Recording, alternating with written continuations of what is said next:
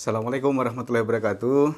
Uh, video ini dibuat khusus karena hari Sabtu nanti harusnya adalah sesi sharing terkait dengan marketing dan selling yang biasanya diadakan di rumah saya setiap jam 9 sampai dengan selesai.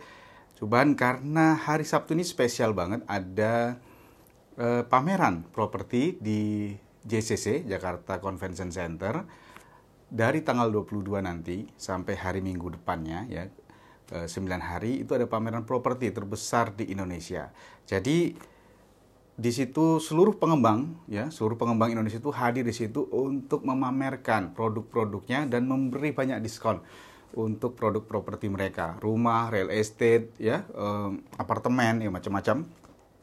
Rugi kalau nggak hadir ke properti expo itu.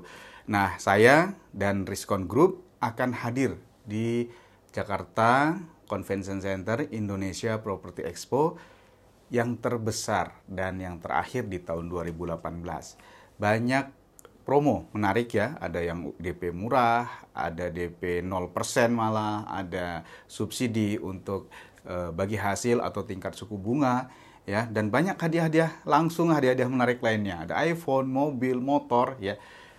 Jadi ayo kunjungi Indonesia Property Expo.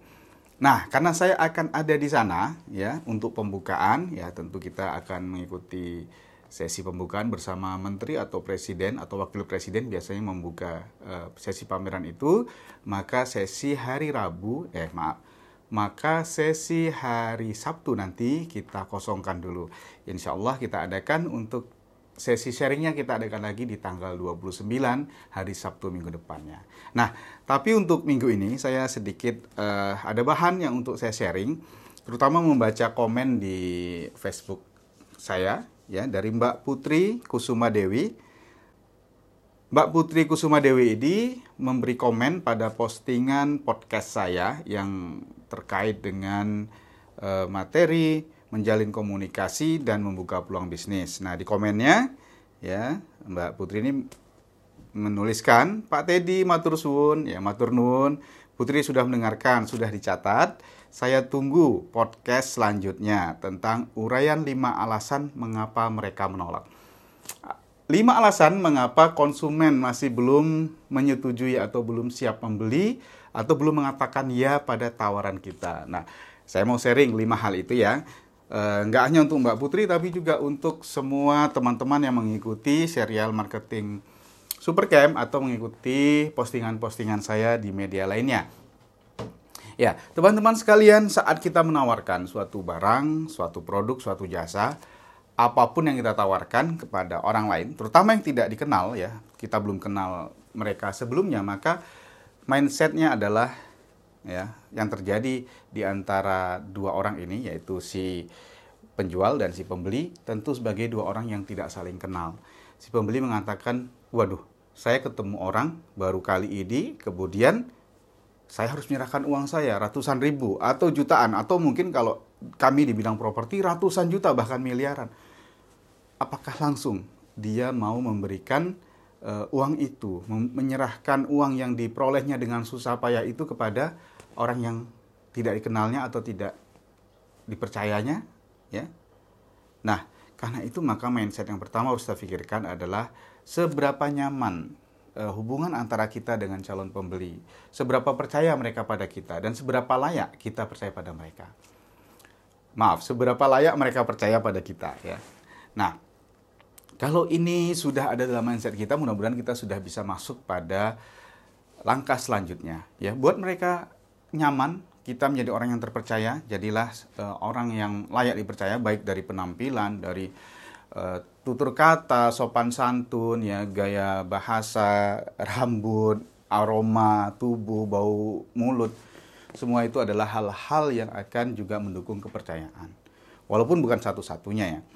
Nah, selanjutnya adalah uh, soal informasi ya, yang ketika kita ketemu dengan orang calon pembeli maka kita harus ingat dia punya lima hal tadi. Dia masih ada lima hal di dalam benaknya yang membuat dia belum percaya, belum mau membeli, belum mau mengatakan ya penawaran Anda. Dan selama kita tidak mengubah pendapat itu, maka dia tidak akan mengubah pendapatnya sampai dia meninggal nanti. Uh, kiasannya begitu. Dan pendapat itu hanya bisa diubah kalau kita beri dia informasi baru. Ya, informasi baru. Kalau tidak ada informasi baru, tidak ada bahan pertimbangan untuk dia, maka pendapat dia tidak akan berubah selamanya. Oke, nah sekarang kita akan fokus pada apa lima hal itu. Baik, lima hal itu adalah yang pertama ya. Calon pembeli kita merasa ya tidak butuh. Ya, merasa tidak butuh ya. Ya, belum tentu dia tidak butuh sebenarnya. Ya. Oke, saya ulangi. Yang pertama adalah konsumen kita ya merasa tidak butuh terhadap produk atau barang kita. Belum tu, belum tentu dia tidak butuh ya, belum tentu tidak butuh. Dia mungkin sangat butuh. Karena itu tugas kita memberi edukasi, memberi informasi untuk menyadarkan dia bahwa dia butuh produk kita. Sebagai contoh, kalau saya sekarang jualan produk obat cacing lah misalnya gitu ya, saya sampaikan, Bapak, Ibu, ini ada produk obat cacing, ini sangat manjur. Nah, ketika saya tawarkan ke saudara-saudara saya yang sedang berkumpul mungkin, mungkin mereka mengatakan, wah, buat apa obat cacing? Untuk apa? Ya. Tapi akan akan berbeda kondisinya ketika sampai, saya sampaikan, Bapak Ibu sekalian, teman-teman, eh, saya baru baca ini ada penelitian yang mengatakan bahwa di dalam setiap tubuh manusia ada parasit ya dan parasit itu uh, hidup di usus di lambung ya dan bisa kalau tidak diobati dia bertahan hidup setahun atau dua tahun. Nah dalam masa hidupnya itu dia bisa bertelur ya dalam satu bulannya misalnya 500 sampai 1000 butir telur dan akan menetas ya menjadi parasit-parasit baru. Nah, parasit-parasit itu adalah cacing-cacing yang ada di dalam usus atau lambung kita. Ketika kecil, parasit ini bisa berjalan melewati aliran darah, naik ke jantung, paru-paru, ya, ke otak, ya, ke saluran-saluran e, tubuh yang lain dan itu bisa menyebabkan kerusakan pada organ tubuh itu. Tapi ini bisa dicegah kalau kita rutin mengkonsumsi uh, obat-obatan, ya, obat atau uh, treatment tertentu agar cacing itu tidak tumbuh besar dan bisa mati dan bisa dikeluarkan bersama kotoran kita dan itu kita harus lakukan setiap enam bulan atau tiga bulan. Nah kebetulan hari ini saya bawa obat ini. Nah, tentu penerimaan dari calon konsumen kita agak berbeda sekarang. Ya paling tidak dia akan berpikir, oh iya saya butuh. Nah banyak sekali contoh-contoh yang seperti ini bisa kita tiru ya eh, dalam kehidupan sehari-hari kita. Ya kalau kita jalan misalnya ke arah Jawa, ya ke Jawa Barat, Jawa Timur, kita masuk di tol tol lingkar luar ya kemudian kita akan ke arah Cikampek ada tulisan isi full tank ya kendaraan Anda karena tidak ada lagi uh, eh, SPBU atau SPBU yang ada pom bensin yang ada masih jauh dari uh, sini. Maka seketika kita akan merasa butuh untuk mengisi mobil kita dengan penuh. Atau ketika pengalaman naik gunung teman-teman yang suka naik gunung ya di bawah ya pos pendakian pertama misalnya di, disampaikan oleh pedagang di situ siap-siap air ya atau siap-siap makanan atau siap-siap peralatan ini karena di atas e, kondisinya sulit tidak air tidak ada makanan dan sangat dingin sekali. Beli ini beli itu. Nah orang akan membeli. Banyak lagi hal-hal yang bisa seperti itu ya e, misalnya e, layanan kesehatan atau jaminan proteksi asuransi di masa tua. Ya kita bisa nyampaikan saya nggak butuh gitu tapi ketika kita diedukasi ya kita atau kita sebagai penjual mengedukasi calon konsumen kita maka ini akan membuat mereka lebih paham bahwa ternyata mereka butuh yang mereka anggap tadinya tidak butuh ternyata mereka butuh.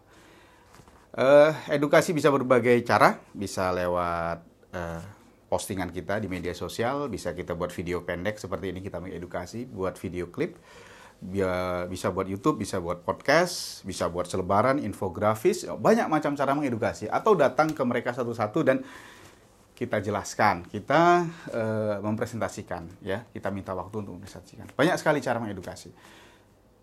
Sebelum dia mendapat informasi baru tentang kebutuhan itu, maka dia tidak akan mengubah mindsetnya tentang kebutuhannya dan dia tidak akan berubah dari pendapatnya tidak mau membeli atau belum mau menerima tawaran kita tentang produk kita itu. Oke, yang kedua, dia tidak ingin. ya. Dia tidak ingin. Jadi sudah butuh belum tentu ingin. Malah sebaliknya, orang yang punya keinginan ya, dia ingin tapi nggak butuh malah bisa beli ya. Mungkin membeli. Tapi kalau dia butuh tapi tidak ingin membeli, maka dia belum membeli. Ya, dia akan pasti belum mengatakan ya pada penawaran kita. Karena itu penting kita membuat menimbulkan keinginan e, kepada mereka. Jadi keinginan itu bisa timbul dari menariknya e, produk kita. Sampaikan sisi-sisi positif, sisi-sisi keuntungan yang dia dapat, sisi-sisi keunggulan dari produk ini, ya manfaat yang dia dapat apa sih gitu ya, dan keunggulannya apa. Nah, di sini teman-teman bisa merefer kepada uh, penjelasan ya di video yang lain tentang manfaat. Bahwa manfaat itu harus berisi uh, profit ya, sesuatu yang dia dapat, sesuatu keuntungan bagi dia dan bisa dinilai dengan nilai uang gitu ya, nilai uh, nilai rupiah atau dia bisa menghemat sesuatu, menghemat biaya. Ya, sekali lagi juga bisa dinilai dengan rupiah bahwa dia bisa menghemat ongkos, dia bisa menghemat biaya perawatan, dia bisa menghemat ongkos lain-lain yang timbul kalau dia tidak memakai produk atau jasa kita. Ya. Yang ketiga adalah kebaikan hidup, ya. Kesehatan, keindahan, ya. Eh, kebersihan udara, kecerdasan anak-anak, ya. Uh, manfaat lingkungan untuk anak-anak, ya. Dan seterusnya yang terkait dengan ke kebaikan hidup. Ya saya ulangi Eh, jelaskan lebih banyak ya. Untuk me meningkatkan keinginan itu jelaskan lebih banyak soal manfaat produk kita. Ya manfaat itu adalah profit yang bisa didapat cost yang dia bisa saving atau kebaikan hidup yang bisa dia dapatkan ya bukan uang bukan dapat uang bukan menghemat uang tapi kebaikan hidup yang ketiga yang ketiga mengapa mereka belum membeli juga ya sudah misalnya kita udah usaha dia tadinya tidak butuh jadi butuh, kemudian dia tidak ingin, sekarang jadi timbul keinginannya. Yang ketiga nggak urgent gitu. Ya saya butuh sih gitu ya, misalnya dia mengatakan saya butuh, saya juga ingin banget nih barang ini kok asik ya, saya kepengen nih. Tapi tahun depan aja deh ya. ya, tahun depan atau nantilah 10 tahun lagi mungkin saya butuh. Ya mungkin teman-teman penjual asuransi, ya penjual yang menjual alat-alat kesehatan untuk mencegah penuaan, mengatasi kolesterol, mengatasi asam urat. Eh, segala, manusia sedang menunda, manusia sedang menunda sampai itu menjadi masalah gitu. Nah itu udah basicnya manusia. Eh, pendidikan ya kita kita menawarkan training ya. Siapa yang mau di training sekarang? Nggak butuh kok. ya tapi begitu butuh butuh menjadi syarat untuk kenaikan pangkat syarat mendapatkan lisensi oh, semua berbondong-bondong ingin pendidikan itu maka kita harus pintar-pintar mencari jalan, kita harus bisa menimbulkan urgensi, urgensi kepada dia. Harus kita sampaikan bahwa kepentingannya untuk Anda apa? Kenapa harus sekarang? Bisa kita rangsang dengan bonus ya, dengan diskon kalau hari ini dapat sekian persen bonusnya atau diskonnya sekian cukup bayar satu dapat dua untuk hari ini. Atau hari ini stok tinggal uh, eh atau hari ini kalau beli hari ini uh, harganya beda dengan seminggu depan atau dua hari lagi. Kalau kalau kita booking hari ini maka dapat hadiah ini itu jadi keuntungan kalau dia bisa bertransaksi atau mengatakan ya pada hari ini. Nah selain urgensi dalam soal harga diskon dan lain-lain kita juga bisa membuat urgensi dalam jumlah atau scarcity. Produknya tinggal sekian uh, maka harus uh, sekarang kalau nggak diambil produk lain. Atau sudah ada yang uh, berminat atau sudah ada yang melihat juga produk ini kita nggak tahu kapan dia akan membooking. Nah kalau nanti membooking maka kesempatan Bapak Ibu untuk produk ini akan hilang. Apa pun ya kita bisa sampaikan membuat scarcity itu membuat syaratnya satu tidak bohong ya tidak bohong. Tidak mengatakan oh barangnya tinggal tiga itu begitu dia beli kita keluarin 20 nah itu tidak tidak baik tidak benar ya. Itu cara yang tidak baik. Sampaikan bahwa Eh, kita bisa membuat uh, skema yang membuat urgensi itu timbul ya. Tadi apakah lewat harga, lewat diskon, lewat bonus kalau hari ini dapat 5, beli 4 dapat 5, beli 3 dapat eh beli 2 dapat 3 atau beli 1 dapat 2 untuk hari ini. Atau hal-hal lain yang bisa menimbulkan urgensi buat mereka. Sekali lagi saya mewanti-wanti teman-teman karena teknik ini sangat powerful dan kita sendiri sering mengalami begitu ya, sering sering mengalami begitu. Coba kalau kita datang ke Alfamart, Indomart ya atau convenience store yang lain, begitu di depannya ada beli dua bisa dapat tiga hadiah ketiga gratis atau beli ini ya eh, sabun cuci nanti dapat hadiah sabun colek atau dapat uh, apa pewangi, pelembut. Nah, tiba-tiba kita pengen beli. Nah, teknik itu sangat powerful membuat urgensi itu dengan cara itu, maka hati-hati jangan sampai kita merugikan orang lain. Sekali lagi saya ingatkan teman-teman penjual bahwa target kita adalah memberi manfaat sebesar-besarnya kepada calon konsumen kita. Jangan lakukan sesuatu yang merugikan mereka.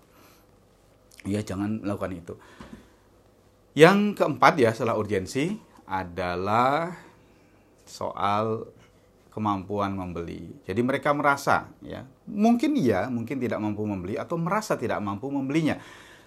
Alasannya uangnya tidak cukup ya atau harganya terlalu mahal atau belum punya uang sekarang nanti 2 3 tahun lagi setelah menabung. Nah, maka tugas kita di sini mendalami sebetulnya masalahnya apa. Apakah masalahnya betul-betul karena masalah uang atau hanya sekedar menghindar?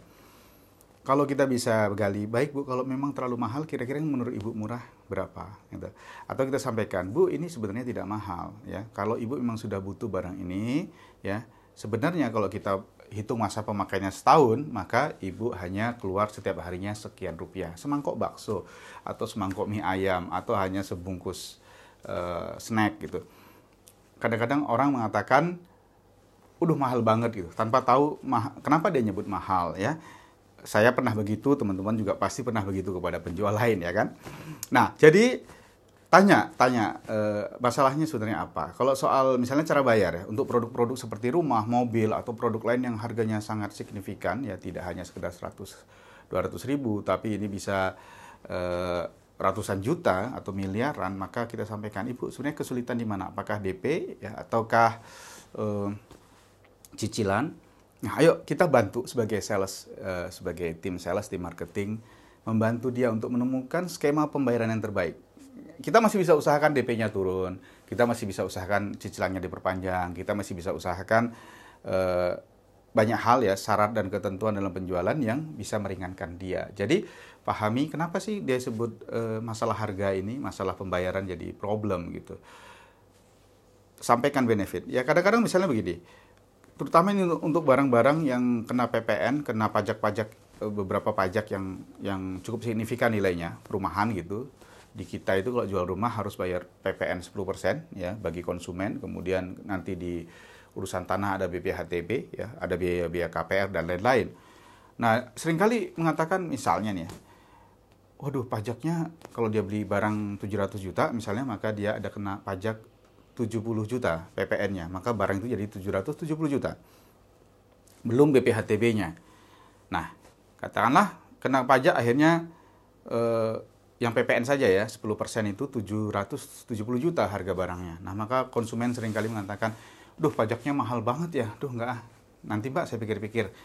Nah, inilah kita perlu mengedukasi dia, mengedukasi mereka bahwa Bapak Ibu satu ya, pajak itu kewajiban kita sebagai pembeli ya, kita waktu barang pasti kena PPN ya, 10%. Nah, 10% kelihatannya besar Bu, tapi itu cuma sekali seumur hidup. Kita pakai rumah itu, maka cuma bayar 10% PPN-nya, oke? Okay? Nah, tapi Bu, dalam Pak ya, nggak harus Ibu selalu ya, harus Pak juga. Tapi dalam kenaikan harga properti itu bisa 20 sampai 30%. Ya, sehingga sehingga kalau kita sekarang bayar 10% teksnya itu sebenarnya tahun depan kita sudah melebihi, kita sudah mendapat melebihi dari biaya pajak tadi itu. Katakanlah harga properti kita naik 20%, maka kita sudah untung dari soal pajak aja sudah untung 10%. Dan keuntungan itu tentu buat konsumen, bukan buat kita, bukan buat self. Jelaskan, Ibu akan dapat keuntungan 10%, baru satu tahun. Bahkan di beberapa properti ya, teman-teman penjual properti lainnya itu kadang 6 bulan sudah naik harganya lebih dari 10 sampai 15% atau 20%. Jadi sebentar saja itu sudah kelihatan untungnya buat dia. Kalau ini tidak diedukasikan, maka dia menganggap pajak 10% itu jadi momok besar, menjadi hal yang yang menakutkan, jadi mahal produknya. Sebenarnya nggak begitu. Nah, diedukasi, diedukasi. Begitu juga mungkin produk lain, ada produk kecantikan yang saya pernah dengar, harganya 2 juta gitu. Kemudian, wah mahal banget. Oke, kita bisa sampaikan, Bu, kalau gitu bisa beli beli parsial. Bisa produk ini harganya 200 ribu, ya ini dengan ini combine ini saja bisa harganya mungkin eh, tiga ratus ribu jadi lebih mudah. Kita bisa buat secara parsial. Nanti mungkin bulan depan atau kalau ada rezeki beli lagi yang baru. Atau bisa kita sampaikan dibandingkan dengan produk lain. Misalnya biaya kita perawatan dengan produk yang lain ini harganya 10 juta. Atau dengan biaya misalnya ke dokter yang spesialis ini ini, ini uh, harganya sekian puluh juta ya. Tapi manfaatnya bisa sama. Nah, sekali lagi di sini hati-hati berikan fakta yang benar. Jangan hanya untuk mendapatkan konsumen kita menipu. Yang tidak perawatannya tidak baik kita bilang baik. Yang perawatannya uh, jauh di bawah kualitas yang tertentu kita sampaikan ini lebih. Nah, usaha bukan usahakan, wajib ya. Wajib menyampaikan informasi dengan benar. Kenapa? Karena teknik-teknik tadi ini sangat powerful untuk mempengaruhi mindset orang. Kalau kita gunakan untuk menipu bahaya sekali, bahaya sekali dan memang bisa digunakannya. Sehingga saya mengharap teman-teman siapa pun yang mendengarkan video ini tidak digunakan teknik tadi itu e, dalam rangka melakukan menipu, merugikan konsumen kita. Yang terakhir, yang kelima ya adalah trust. Jadi kalau dia belum beli juga sudah kebutuhannya sudah kita jelaskan, kita edukasi. Kemudian keinginannya sudah kita sampaikan informasi membuat dia ingin, dia senang sekali dengan produk ini. Yang ketiga, dia sudah timbul urgensi, ya memang harus beli sekarang ya ternyata. Nggak boleh ditunda, sekarang dibeli. Yang keempat, dia juga sudah bisa mengatasi masalah pembayaran, dia tahu bagaimana cara mengatasinya, kita beri fasilitas, cicilan ringan, DP ringan. Maka yang kelima, ya yang kelima yang jadi masalah. Kalau masih belum juga membeli berarti masalah trust masalah trust, masalah percaya. Oke, saya butuh, saya ingin, urgent, saya beli sekarang, harganya cocok, tapi saya nggak trust dengan Anda. Bisa. Bisa nggak bisa. Ya. Karena itu tadi pertemuan pertama tadi kita dengan orang harus betul-betul kita membangun trust dari awal. Dari pertama kita menyapa, dari pertama kita berbicara. Bahkan trust itu dibangun setiap hari dalam tindak tanduk kita, sikap kita. Teman-teman sekalian mungkin eh, perlu mengambil waktu di pagi hari, waktu subuh, ya. Teman-teman yang Muslim bisa berdoa setelah sholat, ya. Teman-teman yang beragama lain bisa melakukan sesuai ritualnya masing-masing, mendoakan konsumen kita, mendoakan siapa pun nanti akan bertransaksi dengan kita supaya dimudahkan. Yang maha kuasa hatinya untuk percaya pada kita, berbicara dengan kita. Doakan kebaikan untuk mereka teman-teman sekalian, uh, ya saya mau tunjukin. Ya, ini uh, gitar kecil ukulele ini, dan saya ada gitar lain di sana, ya ada gitar lain. Ya, saya tunjukin ya. Ya, ada gitar ini, gitar besar ini di sana.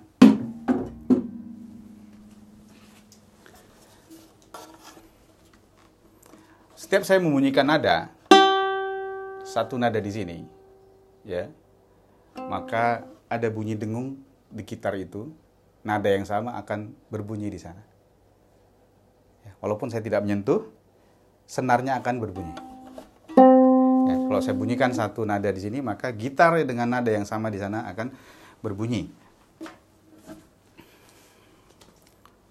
Itulah yang disebut beresonansi. Itu yang disebut dengan resonansi, ya. Jadi ikut bergetarnya suatu benda, ya, karena benda lain, karena frekuensinya sama. Nah, urusan kita dengan konsumen, ya. Tidak dengan konsumen aja sebenarnya, tapi juga dengan semua hal, semua hubungan kita dengan manusia lain. Apakah tim member kita, upline kita, downline kita, supervisor kita, manajer kita, director kita, staff kita, kalau hatinya sama, akan ada getaran. Rasa yang sama. Itulah resonansi. Karena itu tidak rugi kita tiap pagi mendoakan konsumen kita, pimpinan kita, tim kita, supaya kita punya getaran yang sama. Ketika hati dalam getaran yang sama akan lebih mudah segala sesuatunya. Nah, dalam kaitan soal penjualan, ini agar konsumen kita juga lebih pada frekuensi eh, pada frekuensi yang sama dengan kita, sehingga eh, akan lebih mudah ya ketika kita berbicara, ketika kita menawarkan ini lebih mudah. Kenapa? Karena ujung terakhirnya itu adalah trust. Kalau dia nggak trust, kita sudah menjelaskan satu, dua, tiga, empat. Semua kendala sudah kita atasi, trust tidak ada maka tidak akan terjadi penjualan. Oke, itu saja sharing hari ini. Mudah-mudahan bermanfaat. Please komen di bawah kalau teman-teman merasa ada sesuatu yang ingin ditanggapi ditanya lebih lanjut atau menceritakan pengalaman teman-teman yang lain atau menemukan hal lain di luar 1 sampai 5 tadi yang menarik untuk kita bahas, please tinggalkan di komen ya. Jangan lupa uh, untuk juga menyebarkan video ini kepada teman-teman yang butuh ya. Saya tidak ingin meminta teman-teman bilang oke okay, like dan subscribe, bunyikan tanda lonceng. Enggak, saya enggak YouTuber ya. Saya hanya ingin uh, materi ini tersebar dengan baik dan mendapatkan manfaat yang baik dari video ini. Saya tidak melakukan monetisasi terhadap video ini. Feel free untuk menyebarkan, feel free untuk save dan mendownload. Kalau Anda bisa download, Anda sebarkan. Yang penting manfaatnya bisa kita terima semuanya. Sampai ketemu lagi. Assalamualaikum warahmatullahi wabarakatuh.